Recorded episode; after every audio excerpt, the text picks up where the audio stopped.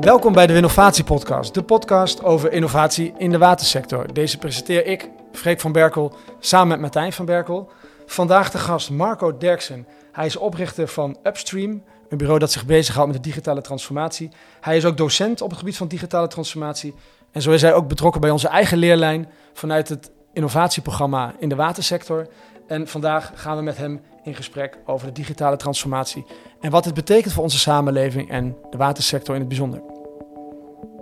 Nou Marco, um, welkom uh, vandaag in Beeldhoven in onze podcastaflevering.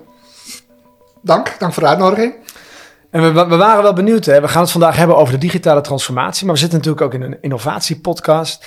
En we zijn wel benieuwd, jij, jij maakt natuurlijk veel innovaties mee, zeker als het om um, digitale transformatie gaat. Is er recent nog een innovatie geweest waarbij je zegt, nou dat heeft me wel echt verrast of verbaasd, deze, deze innovatie? Um, nou, wat, wat, wat denk ik een interessante is, is dat door de coronacrisis uh, er heel veel versnellingen zijn uh, geweest de afgelopen maanden op het gebied van digitalisering, digitale transformatie. En uh, op allerlei terreinen. Ehm, net als iedereen heb ik natuurlijk ook heel veel achter Teams, Zoom mm -hmm. en alle videobellen gezeten.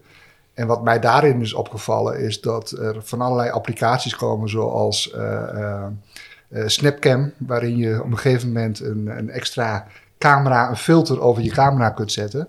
En ik me als uh, komkommer of als aardappel of als. Uh, dus ik heb uh, in april was dat volgens mij. Ben ik als een komkommer in een sessie gegaan. En ik kan ja. pratende komkommer meegedaan. volgens mij, Martijn, hebben wij daar ja, ja. nog wat, wat mee gedaan. Hoe reageerden dan mensen daarop? Op dat, lachen, lachen, lacherig, leuk.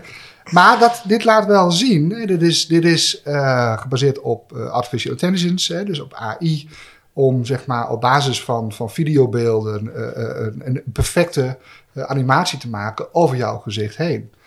Um, en dit is leuk, dit is ludiek, maar dit heeft natuurlijk ook zijn schaduwkant. En wat wij de afgelopen maanden ook hebben gezien, is een versnelling in fake news. Of cheap fakes, zoals ze dat noemen, omdat dit voor iedereen toegankelijk is. -hmm. En wat je nu ziet is dat er een enorme uh, overvloed is aan, uh, uh, aan nepnieuws. Wat misbruikt wordt. En we moeten onze bos nat maken, denk ik, voor de Amerikaanse verkiezingen op dit ja, moment. Zeker. Want er wordt heel veel fake nieuws gedeeld op sociale media, met name de fora. Um, en ik weet niet of jullie toevallig de, de documentaire Social Dilemma kennen van, van Netflix. Is vorige week live gegaan. Mm -hmm. nou, zeker de moeite waard in ieder geval om eens naar te kijken. En dit laat ook meteen zien wat, uh, uh, wat de noodzaak maakt voor uh, publieke organisaties als overheden, politie, maar ook de waterschappen, om hier serieus naar te kijken. Nou, dit is, dit is, een, dit is een kritisch iets wat, ik, wat mij is opgevallen de afgelopen periode, ook in positieve zin. Burning Man, ik weet niet of jullie het event kennen in Amerika, een fantastisch event waar jaarlijks duizenden mensen naar Amerika reizen in de woestijn en daar een soort tweede wereld uh, neerzetten, de wereld van de toekomst. Uh, dat kan natuurlijk, uh, dat kon op dit moment niet doorgaan en die hebben dat volledig virtueel gedaan. En ik ben zwaar onder de indruk hoe ze zeg maar op dit moment virtueel Burning Man hebben ingevuld. Ja. Allerlei, nou ja, dat zijn twee nou, voorbeelden. Mooi. Dat, dat een hele zien. lichte kant en een donkere kant eigenlijk. Ja, nou ja, en dat is, dat, is, dat is natuurlijk meteen, technologie heeft altijd uh, twee kanten. Techniek is niet alleen maar positief. Het kent ook uh, de negatieve en ja. de kritische kanten. Ja. Ja. En misschien ook, hè, want we hebben het vandaag, uh, het thema van deze aflevering is de digitale transformatie. En je hoort dat woord ontzettend veel. Het wordt overal te pas en te onpas gebruikt. Je kunt rustig zeggen, het is echt een buzzwoord geworden ook. Um, maar wat betekent dat nou eigenlijk, digitale transformatie? Nou ja, het is inderdaad een, een, een containerbegrip geworden de afgelopen jaren. Iedereen is daarmee aan de haal gegaan. Ik denk dat het, de, de, de, de term is nog niet eens zo heel oud. Uh, maar het zegt eigenlijk al wat het, wat het betekent. Digitale transformatie betekent transformatie, betekent verandering, betekent uh, hervorming. Uh, het geeft, duidt in ieder geval aan dat, dat het naar iets, iets anders toe gaat. Mm -hmm. het transformeren van een rups naar een vlinder is dat je echt een transformatie ziet. En um, wat het grote verschil is met digitalisering, en daar wordt het wel vaak mee uh, verward, vind ik. Digitalisering is voor mij eigenlijk een begrip waarin we data en processen zijn gaan digitaliseren. We hebben, uh, wat we deden in de fysieke wereld, zijn we gaan digitaliseren, automatiseren, verbeteren, optimaliseren, geef het een naam. Um, uh, dat is wat anders dan de transformatie. De transformatie die vervolgens komt, is dat we door die digitale technologie eh, dingen ook op, echt op een andere manier kunnen gaan organiseren. En dat is die transformatie. Dus de transformatie is niet de technologie zelf. Nee, het, gaat, het, nee, het is een transformatie ten gevolge van die dig- digitale technologie. Dat is, eh, en ik vind eerlijk gezegd de term digitale transformatie ook niet helemaal passen. Waarom niet? Eh, om, nou ja, omdat het suggereert dat, dat het een, een digitale transformatie is. Voor mij is het veel meer een transformatie of een mentale transformatie ten gevolge van digitale technologie. Het vraagt veel meer van, van, van, eh, van organisaties, van mensen in de organisaties, om te veranderen. Het vraagt veel meer een andere mindset, een andere manier van werken, eh, ten gevolge van die technologie. Ja, Ja. Dat is voor mij digitale transformatie. Ja. Ja, wat ik wel heel mooi vond, is Marco had bij ons ook eh, de masterclass digitaal leiderschap eh, gedaan. En eh, toen Marco weg was, hebben we echt alle projecten nog een keer nagekeken van is het een digitaliseringsproject of is het een digitaal transformatieproject? Ja. Dus Marco het 2.0 en 3.0 als ik me niet vergis. Ja. Wat was de conclusie? Hè? Want Martijn, jij zegt van eh, we, we hebben naar al die projecten gekeken. Ja. En gekeken, zijn er nou echt digitaliseringsprojecten of digitale transformatieprojecten? En wat, wat was de conclusie van die analyse? Nou, dat we stiekem ook nog heel veel, dat we dachten dat we goed bezig waren, maar dat we toch heel veel projecten hadden die eigenlijk gewoon nog 2.0 projecten waren. Eh, bijvoorbeeld van, ja, we hebben inderdaad een, eh, een formulier, hoe maken we dat digitaal? Ja, dat is eigenlijk niet genoeg. Nou, er zit, er zit een, eh, een, een risico in. Kijk, het is natuurlijk een beetje een definitiekwestie. En de vraag is hoe relevant is dat? Maar eh, om toch heel even te duiden het verschil tussen digitalisering en digitale transformatie. Wij zijn gewend om vanuit het bestaande te gaan denken en kijken hoe we dat kunnen verbeteren, hè, optimaliseren. En de, de grote vraag is of, of dat de weg is die we moeten doen. Moeten we zeg maar het bestaande optimaliseren? Of moeten we misschien op dit moment pas eh, eh, terug doen en eens kijken van, nou die digitale technologie is er. Eh, kunnen wij dingen ook op een hele andere manier doen, waardoor we het gewoon slimmer kunnen doen. Hè, we kunnen het eh, proces van een aanvraag, wat normaal gesproken via een loket gaat, kunnen we natuurlijk volledig online doen. Maar is, dat, is zo'n aanvraag, is dat überhaupt relevant in, in, in deze digitale tijd? Kunnen we dat niet op een hele andere manier doen? Het, het mooiste voorbeeld vind ik, blijf ik vinden, het aanvragen van een paspoort. Ik bedoel, je kunt het hele proces kan je optimaliseren en kan je online je, je, je afspraken maken. Maar we zijn inmiddels ook zover dat we het volledig kunnen digitaliseren. Moeten we überhaupt nog een, een, een papieren paspoort hebben? Of kunnen we dat op een andere manier doen? Mhm. Nou ja, dat soort dingen. Ja. Dat is voor mij digitale transformatie.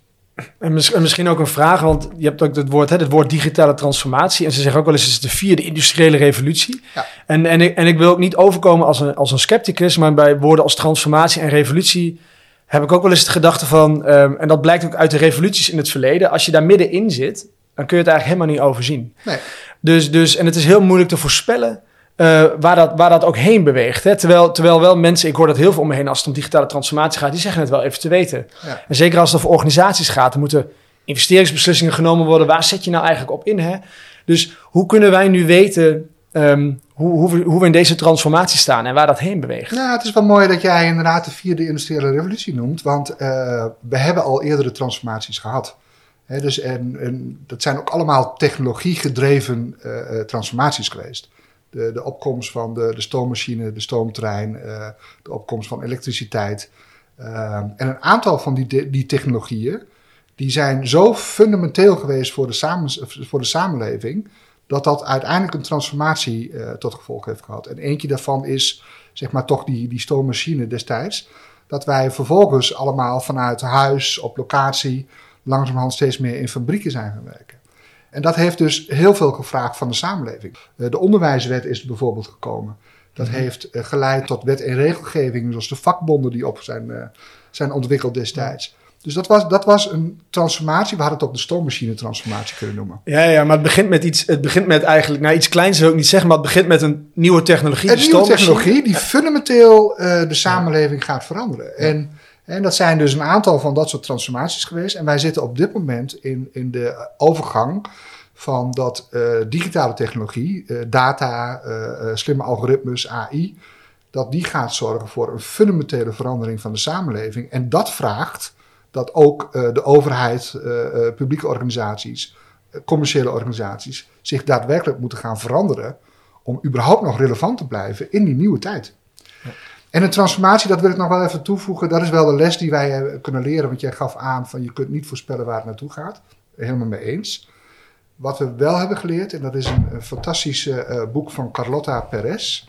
Uh, zij heeft onderzoek gedaan naar al deze uh, industriële revoluties. Mm -hmm. En zij maakt onderscheid in. iedere revolutie bestaat uit twee fasen. De eerste fase is de implementatiefase. Dat is de implementatiefase van al die technologie. En die duren gemiddeld tussen de 20 en de 30 jaar. En uh, dat betekent dat, je, uh, dat mensen de nieuwe technologie gaan introduceren. Er wordt heel veel geld in geïnvesteerd. We krijgen in feite de hype. Mm -hmm. Dus dat ja. iedereen er achteraan loopt. Totdat op een gegeven moment die technologie is geïnstalleerd. Dan krijgen we een overgang naar de, de uitrolfase, de deploymentfase noemen zij dat. Mm -hmm. En dat betekent dat we de technologie pas echt gaan gebruiken op de manier om het efficiënter, slim, echt slimmer te doen. Dus echt anders. Dat is die transformatie. Maar interessant waar zitten we dan nu? In, in, op... Nou, het interessante is, is dat, dat die, zeg maar die overgangen die zij schetst, dat al die overgangen, dus dat, dat kantelpunt, dat daar sociale onrust ontstaat in de samenleving. Hmm. Omdat op dat moment er een verschuiving van macht uh, plaatsvindt. Mensen worden onzeker, uh, banen verdwijnen of banen veranderen. En dat roept sociale onrust op. Dat is in al die voorgaande revoluties, of evoluties is eigenlijk. Mm -hmm is dat, heeft dat plaatsgevonden. En wij zitten daar nu middenin.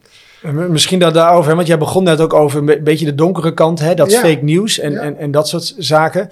In het um, uh, boek van Harari, Sapiens, ja. uh, ook zo'n bestseller, de, daar, daar, daar, daar, schetst hij wel mooi één gedachte van, um, uiteindelijk die, die revoluties gaat de mensheid erop vooruit uiteindelijk. Ja. Maar de, uh, net als in de industriële revolutie, de mensen dat in het moment ondergaan, um, wordt het leven niet per se altijd nee, beter. Herken nee. je dan ook zoiets in die nee, digitale dat is, transformatie? Nee, maar dat is, dat is, dat is, het is ook heel logisch dat we op dit moment een sociale onrust hebben. Hè? De gele hesjes, uh, maar ook wat er nu op dit moment gebeurt met uh, Black Lives Matter of wat dan ook. Al die bewegingen, dat is eigenlijk, heeft dat te maken met die overgang van, van de samenleving. We gaan naar een andere samenleving toe. En uh, jouw vraag van, uh, uh, dan ben ik me even een klein beetje kwijt wat jouw vraag precies was. Maar... Nou, of, of de mensen die, die, die er op dit moment middenin zitten, wel ja. daar ook de voordelen van kunnen ervaren. Ja, nee, ik, ik, ik, denk, ik denk dat heel veel mensen dat nog niet zien, omdat zij ook niet zien waar het precies naartoe gaat. Wat, ik vind Harari overigens wel een, een, een, een doemdenker. Mm -hmm. ik, ik ben meer dan. Ik vind het een fantastisch boek. al, al, al zijn boeken zijn mooie boeken. Maar ik vind dat Carlotto Perez een, een beter toekomstperspectief schetst, omdat zij aangeeft dat wij nu pas die gouden uh, tijd van de digitalisering ingaan. En zij laat ons zien dat al die voorgaande uh, revoluties uiteindelijk heeft geleid tot een betere samenleving, een schonere samenleving. Ja, ja precies. Dus en, dat, uh, en Marco, is deze revolutie wel niet anders dan die andere drie? Want hè, voorheen werd altijd zeg maar uh, spierkracht vervangen door machines. Ja. Een beetje. Alleen nu wordt eigenlijk onze denkkracht vervangen. Ja. Gaat dat niet iets heel anders betekenen? Ik denk dat iedere revolutie anders is dan de voorgaande. Mm -hmm. Ik bedoel, het, is, het is iedere keer weer een, een stap verder, een stap anders. En, en nu gaat het inderdaad de verschuiving naar die denkkracht. dus we gaan eigenlijk het lichaam in. Hm. En uh, dat maakt het wel verschillend met de voorgaande revoluties. Maar in, in, als je op metaniveau hiernaar kijkt, blijft dat, wat, wat jij net ook zei, van dat, dat uh, de mensen die er nu middenin zitten, uh, voor hun is dit gewoon de verandering van, van het een naar het andere toe. Ja, ja dus in die zin blijft het. Uh, en de snelheid is misschien iets anders dan de voorgaande keren. Dat, ja. Maar dat moeten we afwachten, weten we nog niet. Ja. En um, bij voorgaande revoluties was het altijd zo dat na de revolutie er meer banen waren ontstaan. Ja. Hoe kijk je daar bij de vierde industriële revolutie tegenaan? Ik denk dat, dat, uh, dat de verhouding werk-privé, de balans tussen werk-privé en de manier van leven, dat die gaat veranderen. Wat is nog werk? Uh, wat is nog een baan? Hè? Dus je moet niet vergeten dat de manier waarop wij nu werk hebben ingericht, dat dat heel erg past bij die vorige uh, industriële revolutie. Dus we zijn na acht uur per dag gaan werken, omdat, dat, omdat we naar een fabriek toe gingen, omdat we gelijktijdig daar met elkaar moesten zijn. Hè? Dus van negen tot vijf. En de vraag is of in de volgende revolutie die we nu uh, uh, aan het doormaken zijn, of dat nog wel het geval is. Moeten we wel met z'n allen tegelijkertijd van 9 tot 5 ergens aanwezig zijn? Dat denk ik niet. Dus we krijgen sowieso een verschuiving in de verhouding tussen werk en, en privé. We gaan dat zelf anders indelen. en de vraag is ook of acht uur of, dat, of, dat, of we dat moeten vasthouden. Dus ik denk dat we op een hele andere manier naar, naar ons leven gaan kijken. Dus het werk wordt meer verdeeld en we hebben meer tijd over om leuke dingen te doen. Nou ja, ja, ja. Wat, wat echt belangrijk is in het leven, en dat is natuurlijk de, de, de stap voorwaarts die we iedere keer als mensheid maken. En ik heb wel eens gezegd, uh, werk gaat sowieso veranderen. Uh, wat ik ooit wel eens heb gezegd is dat mijn vader 60 jaar bij dezelfde baas heeft gewerkt. Uh, ik verander ongeveer iedere zes jaar van baan. En mijn twee dochters die nu aan het studeren zijn, die hebben straks zes banen tegelijk. Ja. En dat is de wereld waarin we terechtkomen. Ja. Ik bedoel, het is niet meer allemaal van 9 tot 5 op dezelfde plek we gaan naar een hele andere wereld toe. En ik denk dat die coronacrisis nu al een voorproefje geeft van waar we naartoe gaan. Ja. En misschien ook, hè, we zijn ook wel benieuwd, uh, dit is eigenlijk ook al de impact op werk en organisaties, hebben we het nu ook al over. En um, um, organisaties moeten ook digitaal transformeren. En wat je ziet is, uh, we vinden het wel interessant om even te kijken hoe zit dat nou bij verschillende type organisaties. En wat je ziet bij veel organisaties, echt noem dat even private partijen, gewoon bedrijven, hè, de business. Ja. Um, ja, die, die hebben een belangrijke drijver, namelijk als zij niet digitaal transformeren, uh, bijvoorbeeld omdat de klant het vraagt, noem een bol.com een Coolblue, um, ja, dan gaan ze wel naar een ander. Dus die hebben een ontzettende uh, harde incentive van ik moet digitaal transformeren, anders besta ik misschien over twee jaar niet meer. Kijk naar de banken. Um, maar als je kijkt naar, naar, naar overheden, die hebben natuurlijk niet die letterlijk die incentives. Dus die, die hebben niet dat, dat, die financiële incentives en uh, die kunnen nog blijven voortbestaan, um, ook, ook als ze niet digitaal transformeren. Dus hoe, hoe gaat het dan daar bij overheidsorganisaties? Wat zijn voor hun drijvers om dit om in die stroom ook, beweging ook mee te gaan. Ja, nou ja, je geeft, je geeft al terecht aan dat de private organisaties, die moeten wel veranderen, omdat ze gewoon uh, simpelweg uh, concurrenten of nieuwe spelers op de markt komen die het slimmer doen, anders doen en daardoor uiteindelijk ook uh, de markt verdwingen. Um, voor publieke organisaties ligt dat iets anders. Um, maar voor mij is digitale transformatie niet de vraag van gaan wij digitaal transformeren. Voor mij is veel meer de vraag, die samenleving is aan het transformeren. De, de, de samenleving die wordt steeds meer een digitale netwerksamenleving. En dat betekent voor private organisaties dat je moet veranderen omdat je anders de, het verlies van de concurrenten.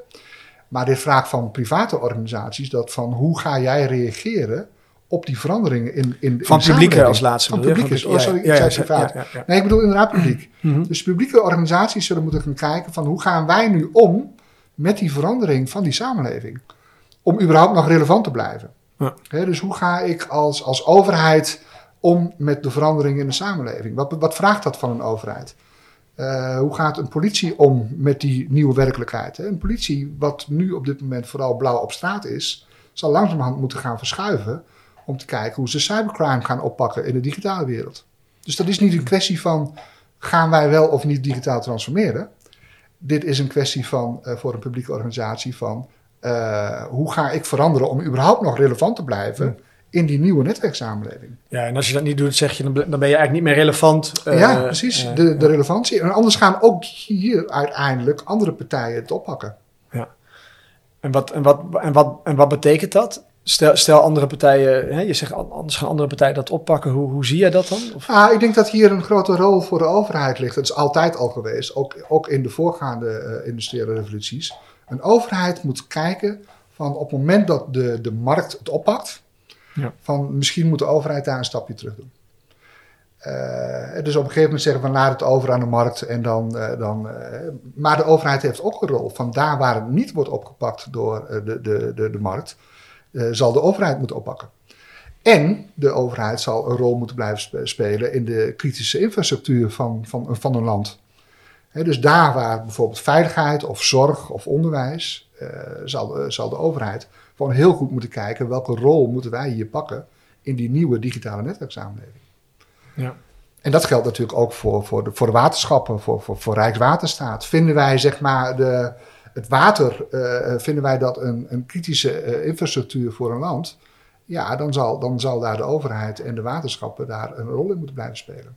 Ja, en, en, en, en je zegt ook van het wordt heel belangrijk om te kijken wat doet de markt, hè, wat de overheid, wat doet de overheid. En we hebben in Nederland, ook in andere landen, maar specifiek in Nederland ook wel een mooie traditie wat, wat betreft publiek-private samenwerking. Ja. Eigenlijk in alle, allerlei sectoren. Hoe gaat dat op dit moment eigenlijk? Als je kijkt naar de verhouding en de samenwerking tussen markt en overheid. Um, bijvoorbeeld is iets als de digitale transformatie. Ja, nou, ik denk dat we, we hebben heel lang gezegd, uh, het, heeft, het heeft voor- en nadelen dat wij een land zijn van polderen. Dat wij een land zijn van, van samenwerken. Uh, we, gaan, we gaan naar een digitale netwerksamenleving waarin we veel meer in ecosystemen zullen gaan werken en waar partijen met elkaar moeten gaan samenwerken. Uh, en dan heeft het dus een voordeel dat we al gewend zijn om met elkaar te netwerken en te samen te werken. Uh, het heeft ook een nadeel, want wij zijn gewend om dat in de fysieke ruimte met elkaar te doen. En we gaan naar een digitale netwerksamenleving. Hoe gaan we dan digitaal met elkaar samenwerken? Dus daar ligt nog wel een, een grote uitdaging. Ja. Uh, maar ik denk, ik denk dat Nederland, met name Nederland, geschikt is om naar die digitale netwerksamenleving te gaan. Omdat wij van, van huis uit gewend zijn om met andere partijen samen te werken. Marco, bij uh, de de presentatie die je toen bij ons had gegeven, toen waren er een paar dingen blijven hangen. In ieder geval, in ieder geval het verschil tussen 2.0 en 3.0. Wat ik ook nog in de wandelgangen, wandelgangen vaak heb terug gekomen is uh, bovenstroom en onderstroom. Ja. Zou je dat dus even kunnen toelichten, wat dat dan precies is? Ja, nou misschien is het goed, hè, want je, je noemde net ook al een keer 2.0, 3.0. Ik probeer dat uh, steeds minder ook, ook echt zo. Maar, maar voor mij is de verschuiving, hè, uh, als we kijken naar de veranderingen de afgelopen 100 jaar, zeg maar deze huidige industriële revolutie. Dan is de verschuiving van 1.0, dat is zeg maar de, de traditionele, de klassieke wereld. Naar 2.0, dat is de wereld waarin we uh, volledig online zijn gegaan, volledig digitaal zijn gegaan. En de verschuiving van 2.0 naar 3.0 is dat we naar die digitale netwerksamenleving gaan. De connected wereld. En de verschuiving van 1.0 naar 2.0, dat noem ik digitalisering. En we hebben het bestaande eigenlijk geoptimaliseerd. En de stap van 2.0 naar 3.0, dat noem ik digitale transformatie. Dat is de, de stap die we nu gaan maken, is de fundamentele verandering van de manier waarop we met elkaar werken en, uh, georganiseerd zijn. En daar ligt meteen de grote uitdaging. Het is, het is makkelijker om wat je deed iets beter te doen. De stap van 1.0 naar 2.0. Dan dat je vandaag gaat zeggen van gaan het nu fundamenteel anders doen. Van 2.0 naar 3.0. En hier ligt ook de grote uitdaging. Dus op het moment dat je nu dingen echt fundamenteel anders wil gaan doen, dan zal de, ik noem het heel even de bestaande macht, zal hier tegenin gaan. En als ik denk van in een organisatie kan ik het echt anders en slimmer organiseren op basis van die technologie door het in teams te gaan doen, door het in een community te gaan oppakken of in een werkgemeenschap of met mensen buiten, dan zal de bestaande macht, ik noem heel even een manager, een afdeling, die zal zeggen: Oh, wacht even, maar dat is onze taak. Dus hier ligt meteen de uitdaging van als ik echt wil veranderen, dan zal ik dus die bestaande macht mee moeten krijgen. En dat lukt je niet. Want die, de, de, de natuurlijke houding is om hier in de weerstand te gaan. Nou, dat betekent dus op het moment dat jij uh, kansen ziet om dingen echt anders te gaan organiseren, dat je dat misschien niet meteen transparant en open en voor iedereen moet gaan doen. Maar misschien moet je dat in de onderstroom, onder de radar, moet je gewoon gaan experimenteren. Totdat je op een gegeven moment op het punt staat van, nou, nu kan ik laten zien dat het daadwerkelijk werkt. En dat dat daadwerkelijk ook van toegevoegde waarde is voor een organisatie. Nou, en dan ga je naar die bovenstroom en dan ga je zeg maar dat daadwerkelijk ook in de formele organisatie inbrengen. En dat is wat ik bedoel met bovenstroom en onderstroom. Jij zegt ook van het is um, van, van waar de macht zit in een organisatie of samenleving, daar komt ook de weerstand vandaan ja. uh, bij dit soort transformaties. Ja, en die, en die macht is niet alleen in de organisatie. Hè. En bij publieke organisaties is dat ongelooflijk complex, omdat daar heel veel uh, stakeholders zijn die van invloed zijn op hoe een organisatie werkt. Uh, dat is de politiek, dat is de burger, dat zijn de, de bedrijven, dat zijn de mensen in de organisatie. Dat is de gevestigde belangen eigenlijk. Dan. Eigenlijk, dat is de, de gevestigde macht, de gevestigde belangen, die hebben hier allemaal baat bij hoe dit, hoe dit verloopt. Ja. Soort, die, willen, die hebben baat bij een status quo, in feite. Of, of ja, ik, dat denk ik wel. Er, er zullen een aantal koplopers zijn die denken van, nou, wij moeten het inderdaad echt anders doen. Maar dat, dat is op dit moment is dat nog maar een kleine voorhoede. Hm. Ja. Ik had er ook een stelling op geschreven, die sluit misschien aan bij die onder- ja. en bovenstroom. Ik had erop geschreven, digitale transformatie zit vast op MT-niveau. Hoe kijk je daar tegenaan? nou ja, in, zeker, in, in, sommige organisaties is dat absoluut het geval. Uh, ik, ik, ik, ik zou niet willen zeggen dat dat overal het geval is. Er zijn best organisaties waarin ook het middenmanagement, het MT en het middenmanagement daadwerkelijk aan het kijken is van hey, hoe kunnen we dit nu anders doen? En in sommige gevallen ligt die macht ook buiten de organisatie. Denk aan politiek, mm. denk aan uh, ledenraden, uh, noem maar op. Ja. Want wat je wel in politiek ziet, want bijvoorbeeld waterschappen zijn natuurlijk ook, net als alle overheden, ja, dat zijn politiek gestuurde organisaties. Ja. Met mensen aan het roer die um, eh, gewend zijn voor nu investeringsbeslissingen te nemen die hè, zich over langere tijd dan uitsmeren. Dus die, die denken in lange termijn scenario's. En, en het gaat ook over belastinggeld. Dus, dus ik kan me voorstellen dat je denkt, ja, digitale transformatie, digitale transformatie, wat gaat dat opleveren? Kun je dat hard maken? Want het gaat om het investeren eigenlijk van belastinggeld. Ja. Dus, dus um, hoe, hoe krijg je dan... Um, en tegelijkertijd zo'n digitale transformatie, zeg ik, het is ook een, heeft een open einde. Dus je weet niet exact uh, waar naartoe beweegt. En je kunt nu wel kijken naar de huidige situatie. En dan zie je allerlei ontwikkelingen, allerlei technologie. Dus het lijkt me ook wel lastig voor, voor bestuurders van waar zet je nou, waar zet je nou je geld op? Waar zet je nou dat is, dat, maar goed, dan, dan hebben we het over digitaal leiderschap of leiderschap bij digitale transformatie. Uh, ik, ik heb het wel eens genoemd, dat is het omarmen van, van complexiteit en onzekerheid. En uh, volgens mij heb ik in mijn uh, masterclass bij, bij ANA en Maas destijds ook het, de metafoor van de grote trek naar het westen laten zien. Waarin op een gegeven moment in Amerika een grote groep naar het westen trekt. De richting weten we ongeveer wel. Maar hoe we daar naartoe gaan is natuurlijk ongelooflijk complex en moeilijk. Mm -hmm. nou, en wat, wat doet die, de, de Wagonmaster in dit verhaal? Die stuurt een aantal verkenners op pad. En de ene verkenner die gaat langs de rivier de andere verkenner gaat door de bergen heen. Die komen vervolgens s'avonds weer terug. En bij dat kampvuur vertellen ze wat ze hebben gezien. En uh, vervolgens beslist die Wagonmaster de volgende dag. Wij gaan volgende dag met de hele caravan langs de rivier verder. Dus je zult moeten experimenteren. Je zult ook een, je zult een visie moeten vormen. Van welke richting gaan we op met elkaar. En een, een, tweede is dat je moet gaan experimenteren en kijken van wat werkt nu wel en wat werkt nu niet. We weten het namelijk nog niet precies. Dus jouw opmerking helemaal aan het begin van uh, uh, digitale transformatie, het is nog onduidelijk waar we naartoe gaan. Helemaal mee eens. We weten het nog niet.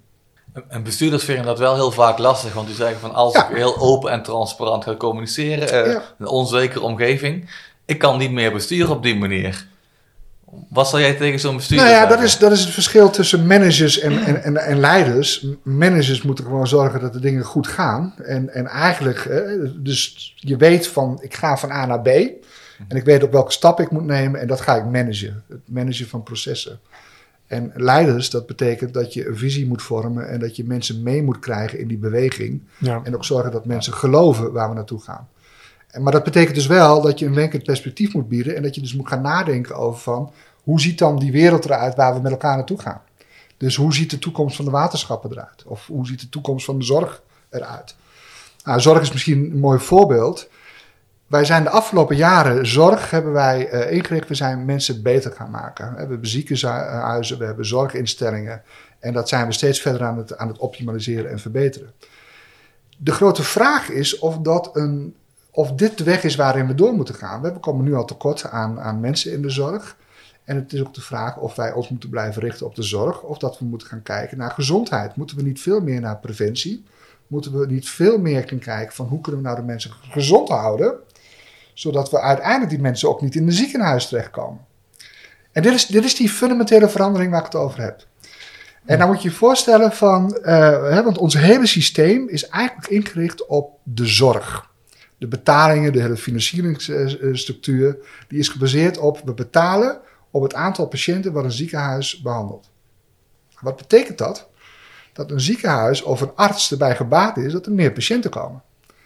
Dus die gaat, die gaat echt niet nadenken over van hoe hmm. zorgen we er nou voor. Want eigenlijk zou je moeten betalen voor het aantal patiënten dat er niet komt. Ja. En technisch kan dat nu. Door de technologie zijn wij nu in staat om met allerlei apps en, en uh, mensen gewoon gezond te houden.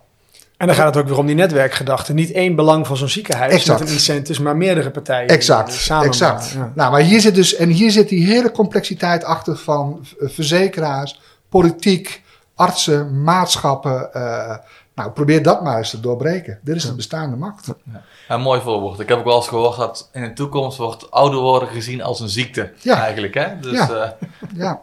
Oké. Okay. Um, maar dat is even een voorbeeld, een mooi voorbeeld uit de zorg. Was, je hebt natuurlijk ook al hier en daar wat waterschappen meegemaakt. Wat waren voor jou een beetje de parels van, uh, die je daarin gezien hebt? Wat ik sowieso interessant vind van de waterschappen, en dat geldt ook voor de Rijkswaterstaat en de zorg er zitten, er zitten echte professionals die zeg maar met hun vak bezig zijn en daar ook echt ongelooflijk veel van weten. Wat, uh, uh, wat ik daar nog mis, is dat zij zeg maar ook de, de blik naar voren. Van hoe kunnen we nou dingen ook fundamenteel anders doen, dat is nog een lastige. Maar de bereidheid om met elkaar samen te werken, om samen dingen beter te doen, die is er wel degelijk. En die zie je niet in alle sectoren. Dus de, de bereidheid tot samenwerken vind ik binnen de waterschappen, uh, die is wel degelijk, even los van een aantal ego's, die zullen er altijd en overal zijn. Maar ik vind de bereidheid tot samenwerken, die vond ik daar in ieder geval heel mooi om te zien. En er zijn natuurlijk op technologisch gebied wel hele mooie voorbeelden al te zien binnen de, binnen de waterschappen. Van het gebruik van drones tot uh, gebruik van virtual reality. Maar dat is techniek. De volgende stap is, hoe gaan we dat nou ook daadwerkelijk gebruiken om dingen echt fundamenteel anders te gaan organiseren? Ja, ja want jij, jij zegt techniek, hè? dus wij zijn, ook, wij zijn ook veel bezig met waterschappen en hun helpen uh, innovaties ook op te starten. En juist op, op die techniek uh, krijgen we wel eens het idee van het is, wat, wat we aan het begin ook zei, het is echt een snoepwinkel. Ja. Dus je hebt die drones, je hebt die, die, die prachtige um, um, VR-brillen die ze dan opzetten. Hè? Dus dan kun je helemaal zo'n zuivering kijken. Ik heb ze zelf ook opgehad. En ik kan me best voorstellen dat het dan uh, lastig is om, om niet verleid te raken. Dus je hebt al die mooie technologische snufjes. Maar, maar ik heb ook wel eens het idee dat door, de, door die focus op techniek men ook wel eens uit het oog verliest. Ja, maar waar draagt het nou eigenlijk aan bij? Nou ja, maar dit is, dit is het punt wat ik net probeerde te maken. Hè? Op het gebied van innovatie hebben we, we hebben vakmensen die zijn echt bezig met hun vak en, en willen dingen beter en slimmer doen. Uh, maar wat ontbreekt is dat, dat, dat vergezicht, het Westen, uh, het 3.0 verhaal van waar gaan wij nu als waterschappen, of misschien nog wel breder, waar gaan wij als overheid nu naartoe? Wat is nou ons vergezicht? Waar, werken wij, waar dragen wij nu met z'n allen aan bij? En, dat is, en, en volgens mij is dat, dat, dat beeld, dat gezamenlijke beeld wat je moet creëren, dat is nog onvoldoende scherp. Ja, ja, precies. En, die, en zolang die niet scherp is, betekent dat eigenlijk alles wat je doet, is natuurlijk fantastisch. He, wij, uh, Maar het, de vraag is of het allemaal dezelfde kant op gaat. Ja. En de vraag is ook of dat, eh, op welk moment we dat moeten doen. Hè? Want je moet natuurlijk ook voldoende blijven experimenteren om nieuwe dingen uit te zoeken. Want misschien hebben we, we zitten nog wel in de fase dat we verkenners op pad sturen om de weg langs de rivier of langs de bergen uit te zoeken. Ja. En zijn we nog niet zover dat we kunnen zeggen van oké, maar dit wordt hem. En dat, dat, is, dat is ook wel interessant. Dus, dus, en jij zei net ook van, je zag in ieder geval in de watersector of bij waterschap wel echt de bereidheid ja. om samen te werken. Dat is een mooi positief beeld. En, en dat zit nog wel in het woord bereidheid. Hè? Dus de vraag is waar leidt dat nog toe? Maar we, wij merken ook wel, dat is misschien ook een klein beetje te challengen van als het gaat om standaarden bijvoorbeeld. Hè? Dus we hebben ontzettend veel data en informatie. En, en in een samenwerking met een omgevingswetopkomst, eh, ik ga er niet al te veel over in detail treden, maar dan helpt het als je op dezelfde manier met informatie omgaat. En dan zien we toch best wel als het puntje bij paaltje komt, dat het nog best wel lastig is. Want zoiets simpels, ogenschijnlijk simpels als de informatie en data op dezelfde manier opslaan, zodat iedereen het kan gebruiken.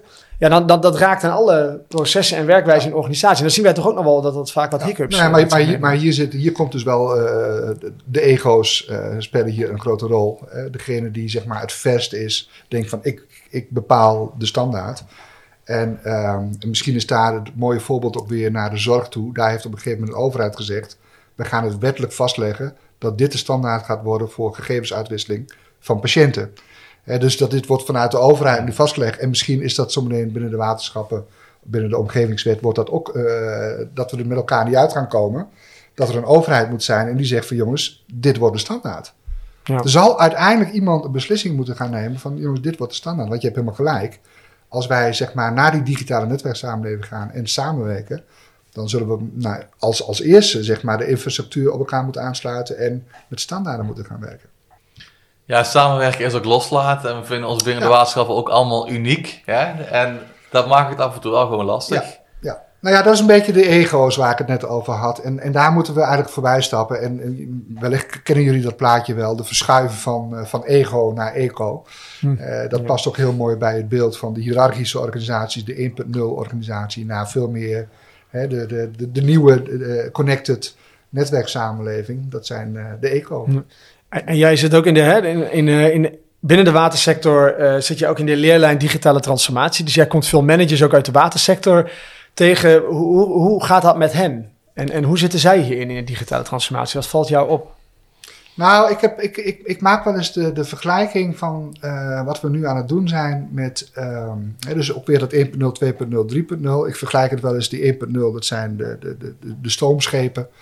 Ehm, daar hebben we uh, elektrische schepen van gemaakt. Hè. We hebben het geoptimaliseerd. En, uh, maar wij komen nu in wild water. We weten niet waar die toekomst, hoe die er precies uit gaat zien.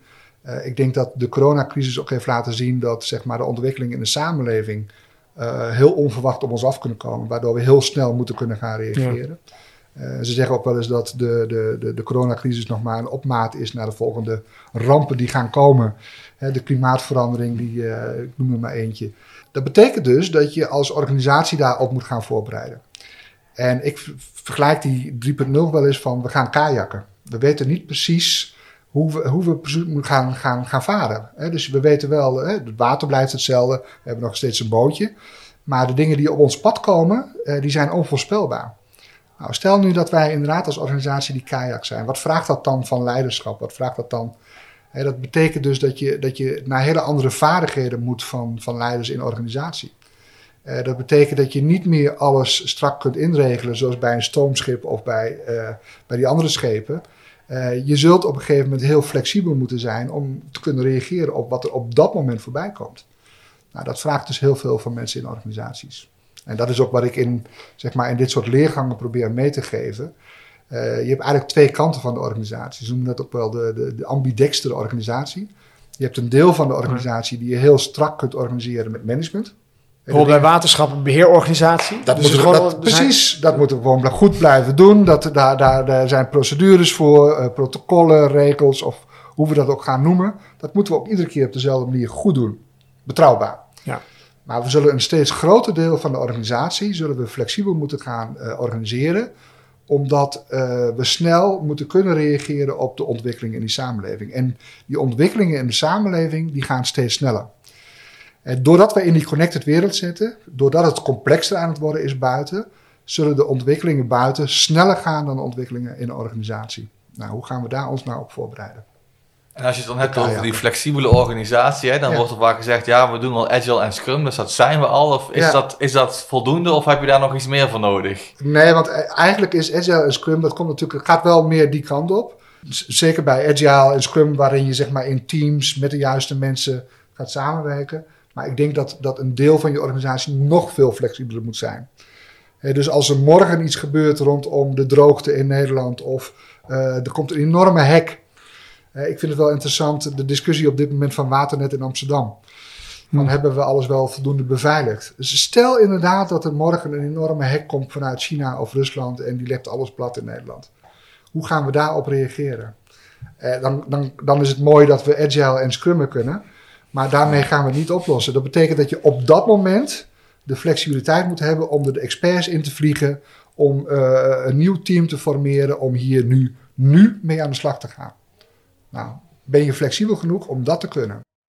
Misschien ook, want we zijn, we zijn ook wel benieuwd van, um, van hè, op basis van jouw kennis van de watersector. Jij kijkt, jij kijkt natuurlijk een beetje van buiten naar binnen. Hè? Als je naar, naar de sector kijkt van, waar zit, waar zit in jouw optiek nog die uitdaging voor waterschappen. Want aan de ene kant, dat zag je bijvoorbeeld mooi met de droogte hè, de afgelopen zomers.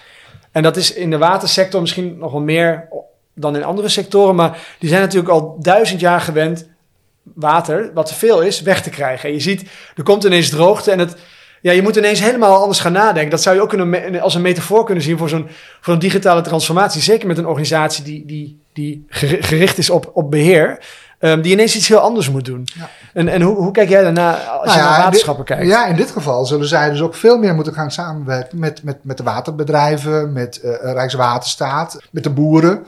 Uh, dus je zult echt op een hele andere manier moeten gaan samenwerken dan wat je de afgelopen jaren hebben gedaan. Dus daar, daar ligt ook een beetje die uitdaging. Ook misschien wel een klein beetje die ego's. Van wie, wie gaat nu met wie en hoe gaan we daarin samenwerken? Ja. Dus daar liggen, nog wel, daar liggen nog best wel wat uitdagingen. Nu is het natuurlijk wel zo dat bij die medewerkers binnen de waterschappen best wel honkvast zijn. Hè? Zeker die beheersdiensten, die hebben, werken bijvoorbeeld allemaal gemiddeld uh, eh, 30 jaar of zo. Ja. Hoe ga je met die mensen om als straks het werk echt anders moet gaan worden? Of hun baan verdwijnt. Nou ja, het is, de, de vraag is hoeveel tijd hebben we? Dat is denk ik de, de belangrijkste vraag. Hè? Dus als we ook weer, dan kunnen we ook weer terug naar Carlotta Perez, die zeg maar de vorige industriële revoluties heeft bekeken. Uh, Zo'n installatiefase duurt ongeveer 20 tot 30 jaar. Dan krijgen we een tussenfase, dat is die, die, die sociale onrust. Maar de transformatiefase is ook 20 tot 30 jaar. Dat betekent dat wij nu, en daar zitten we er misschien tegenaan, hè, volgens Carlotto Perez zitten we nu aan het begin, aan de vooravond van die transformatie. Uh, maar dat betekent dus dat dit 20 tot 30 jaar gaat duren. Dus we hebben in sommige sectoren ook nog tijd om de mensen daarin mee te nemen. En de grote uitdaging, denk ik, dat nu is dat de, de voorlopers, de koplopers, uh, eigenlijk in staat zijn om de groep daarna mee te krijgen in deze ontwikkelingen. Nou, hoe gaan we dat nou doen? En hier komt ook weer een stukje leiderschap. Uh, van het, het vraagt dus wat van, van het MT, van een organisatie. Van hoe gaan we de mensen voorbereiden? Die, die persoon die al 30 jaar bij de waterschappen werkt, die heeft nog wel tijd, maar ook niet al te veel tijd meer. En dan vind ik het de verantwoordelijkheid vanuit, uh, vanuit het MT dat zij zich bewust zijn dat ze deze mensen moeten gaan voorbereiden op een andere wereld. En dat betekent dat je de digitale vaardigheden meegeeft. Dus aan de ene kant zijn we bezig met de ICT-infrastructuur en de data en de standaardisatie, maar dat is, dat is techniek. Mm Daar ligt de grootste uitdaging niet. De grootste uitdaging is hoe gaan we zeg maar, al die mensen ook meenemen, bewust dat die wereld verandert. Maar welke vaardigheden heb je dan vervolgens ook nodig om in die nieuwe wereld te kunnen blijven, relevant te blijven? dus je kunt fantastische dingen doen op dat, op dat schip, mhm. maar je moet nu leren kajakken. En dat, en dat betekent dus dat je soms een hele andere richting op moet dan dat jij eigenlijk dacht dat je ging. Dat bepaal jij niet meer, dat bepaalt die samenleving. En dat meenemen van die mensen, hoe doe je dat dan? Nou ja, dat is, dat, eh, dat is een lastige. Dat is, dat is voor de een, uh, die, die heeft voldoende aan inspiratie. Dus we kunnen met inspiratiesessies mensen meenemen. Uh, maar anderen die hebben daar gewoon veel langer voor nodig. En misschien moet je daar zeg maar uh, opleidingen voor, voor opzetten. De lerende organisatie is een van de elementen waardoor je zeg maar, de mensen in de organisatie mee kunt krijgen naar zeg maar, dat, die nieuwe wereld toe. Ja. Dus dat is, daar is niet één antwoord op te vinden. Ik, ik, ik, hoef jou ook niet te stimuleren om bezig te gaan met die nieuwe technologie en wat meer naar buiten te kijken. Jij doet dat vanzelf. Mm -hmm. Dus er zullen mensen zijn die, nou ja, die dat vanzelf al doen, de koplopers. Maar er zullen ook mensen zijn die 30 jaar uh, misschien wel nodig hebben. Ja. Ik zeg ook wel eens, die transformatie duurt een generatie. Dus dat is niet iets van een paar maanden of een jaar. Nee, en we horen ook wel bij waterschappen. We hebben ook uh, uh, Jeroen Waanders te gast gehad al. Hè? En die zegt ook van, als je puur naar de demografie kijkt... de helft van de waterschappers is op een gegeven moment gewoon met pensioen. Ja. De aankomende tien jaar. Dus je kunt ja. nu eigenlijk al nadenken over... Ja. oké, okay, dit is misschien ook wel een kans. Uh, gaan we dat werk nog op dezelfde manier invullen? Of moeten we gewoon iets anders gaan bedenken? Hè? Dus dat is ook misschien wel iets. Nou ja, maar het, nogmaals, de transformatie is niet iets van, van een half jaar of een jaar... Maar ik vind wel dat, dat, dat de, de verantwoordelijkheid van het huidige MT, ook van de waterschappen, dat die een aantal dingen moeten doen. Eén, die visie, dat gezamenlijke beeld van waar gaan we met elkaar naartoe, die moet helder worden. Uh, het besef dat dat niet alleen vanuit de waterschappen is, maar dat je dat samen doet met partijen buiten. Van waterleidingbedrijven tot Rijkswaterstaat, tot overheid, tot burgers, tot, tot boeren, et cetera. En dat beeld moet gezamenlijk worden gevormd. En dat vraagt vervolgens aan uh, uh, aandacht voor je ICT-infrastructuur, standaardisatie, om, om in die nieuwe wereld te kunnen samenwerken. En dat vraagt kennis en vaardigheden van je medewerkers. En die drie dingen, die zijn cruciaal nu om daar wel meteen mee te beginnen. Je hebt, je hebt een goed beeld op digitale transformatie verschillende sectoren. Dus we zijn ook wel uh, op, op zoek naar wat lessen hè, voor, voor de waterschappen. En, en misschien je kunt je ook heel richten op wat moet je wel doen, maar wat moet er nou, wat moet, als je het gaat om de digitale transformatie, wat moeten waterschappen nou absoluut niet doen? Waarvan jij zegt, uh, Marco, zegt van doe dat niet. Blijf daar weg. Niet doen. Wat moet je nou absoluut niet doen? Nou ja, wat je niet moet doen, en dat is misschien waar we ook mee begonnen. Ik denk, en daarom is het ook van belang dat je het verschil weet tussen digitalisering en digitale transformatie. Uh, ik denk dat je uh, vooral niet moet doen, is dat je denkt dat je bezig bent met digitalisering. En dat je denkt, ik ben bezig met die transformatie naar die nieuwe tijd. Eh, digitalisering is echt fundamenteel iets anders dan die transformatie. Beide zijn overigens van belang. Hè? Mhm. die, die digitalisering is van belang om het huidige bestaande te optimaliseren. En dat levert op de korte termijn meer op dan echte innovatie en verandering. Maar beide zijn nodig. En dat vind ik zo mooi van het proefschrift van, van Hanneke Gieske uit jullie eigen uh, wereld die heeft zeg maar die uh, optimalisatie versus innovatie naast elkaar gezet. En beide zijn nodig. En optimalisatie levert het meeste op aan het resultaat van je organisatie. Uh, maar innovatie is cruciaal om die volgende stap te kunnen maken. We zitten nou bij uh, Innovatie, de podcast, hè, ja. over de watersector. Jij noemde net al de logische keer Rijkswaterstaat. Kun je iets vertellen over uh, wat jij ziet bij Rijkswaterstaat en wat je daar doet? Nou ja, Rijkswaterstaat is natuurlijk uh, in die zin uh, ook al jaren bezig met, met wat zij dan innovatie noemen. Uh, innovatie op de, op de wegen, op de waterwegen. Maar heel eerlijk is dat ook vooral optimaliseren. Dus het, is niet plat alleen digitaliseren, maar het optimaliseren van bestaande. En je ziet dat er nu, en waar ik bij betrokken ben, dat heet het innovatieprogramma Digitale Rivier. Dat ook het Rijkswaterstaat zich beseft van wij moeten ook misschien op een andere manier innoveren kortcyclisch, samen met partijen buiten. Dus niet alleen maar binnen en vanuit het bestaande optimaliseren. Maar hoe gaan we nu zeg maar, aan de rand van de organisatie met partijen buiten, kortcyclisch, snel uh, innoveren. Nou, daar, daar ben ik mee bezig vanuit het programma Digitale Rivier. Maar dat is, ook bij Rijkswaterstaat is dat een, een, zoektocht. Ook daar hebben we te maken met ego's en uh, een, een standaard manier van werken zoals we dat gewend zijn de afgelopen 20, 30 jaar. Dus dat zal ook daar nog wel even een tijd duren. Maar ze zetten daar eerste mooie stappen, vind ik. En dat innoveren met de buitenwereld, hè? Hoe, hoe doe je dat dan? Is het gewoon, ik ga naar Google en ik tik wat zoektermen in? Of uh, hoe, uh, wat zijn daar een best practices? Nou ja, innoveren van de buitenwereld. En dat is denk ik ook een essentieel onderdeel van digitale transformatie. Bij digitaliseren denk je van binnen naar buiten. Je denkt vanuit het bestaande en hoe gaan we dat verbeteren naar buiten toe.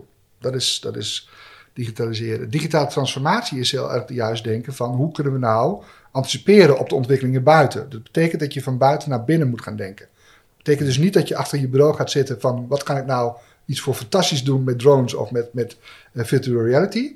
Ik heb een probleem buiten, droogte.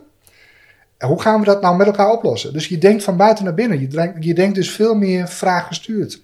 Opgavegericht, of eh, bedenk er maar een fantastische term voor. Maar we denken dus van buiten naar binnen.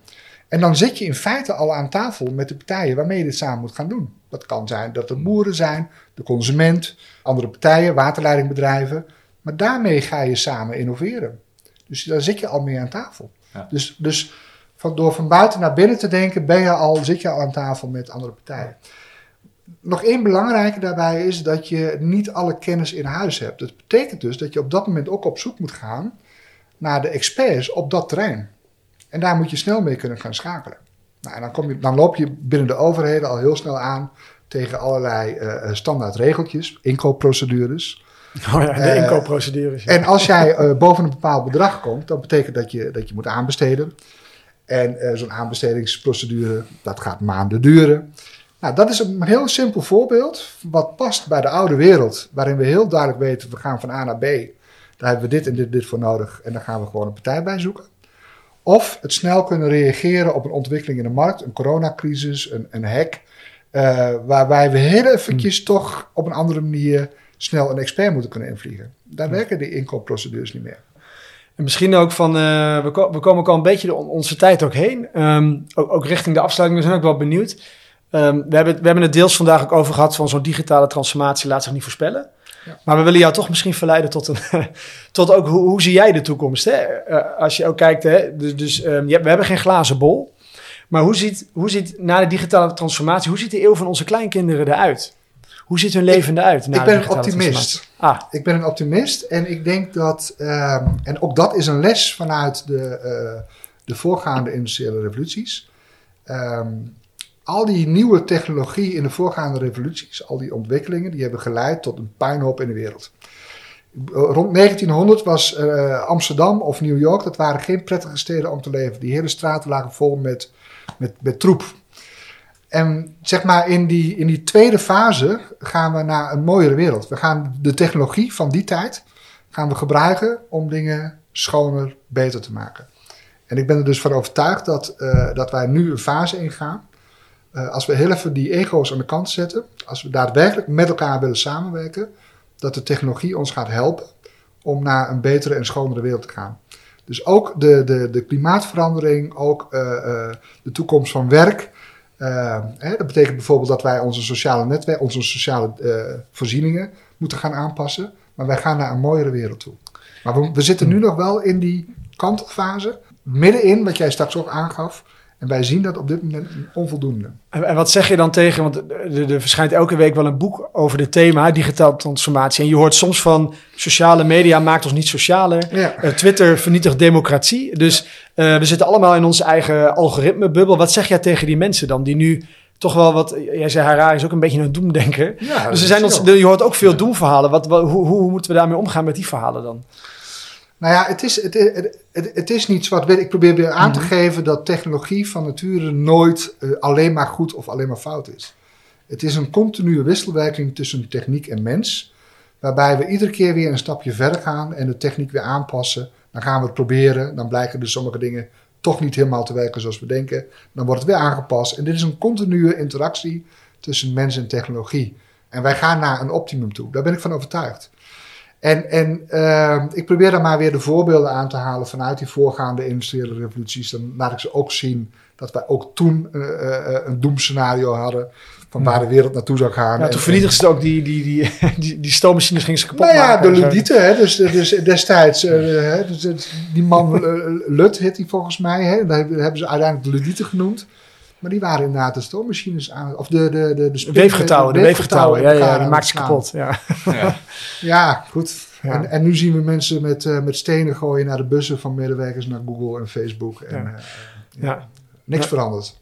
Maar, maar fijn dat jij het, het stelt me gerust dat jij het in ieder geval optimistisch ziet. Uh, ik, ik ben een optimist.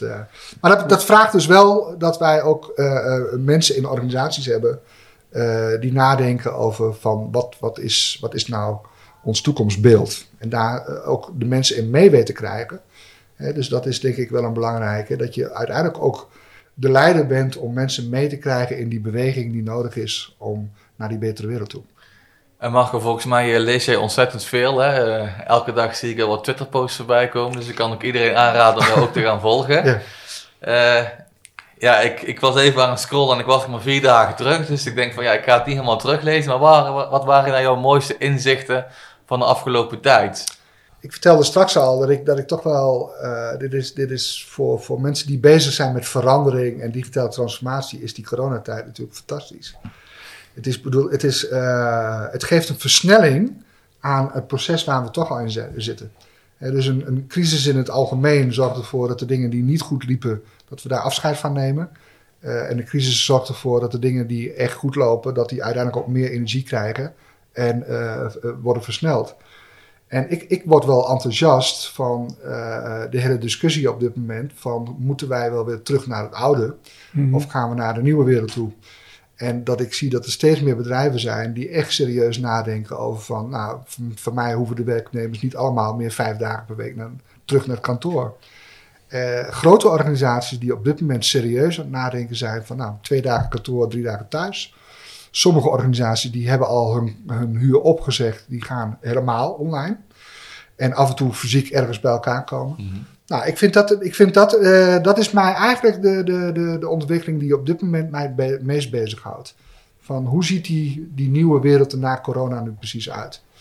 En pakken wij wel genoeg de kansen, de versnellingen die wij nu uh, doormaken, pakken we die voldoende? En gaan we ook zorgen dat we dat borgen naar de toekomst toe. Dus die digitaal netwerksamenleving waar we het over hadden, die is nu wel een stukje dichterbij gekomen. Zeker, ja, ja, zeker. Ja. En het is dus ook niet wat ik al een paar keer probeer aan te geven. Het is niet de vraag of wij willen digitaal transformeren. Uh, die digitale transformatie vindt plaats. Het is de vraag hoe wij als organisatie daar op anticiperen. Mo mooie afsluiten, denk ik, uh, denk ik Marco. En het, uh, het, biedt genoeg kansen. En fijn ook dat je optimistisch bent ja. daarover. En, en dank ook voor je aanwezigheid hier vandaag ja, in onze Dankjewel, Marco. Dankjewel.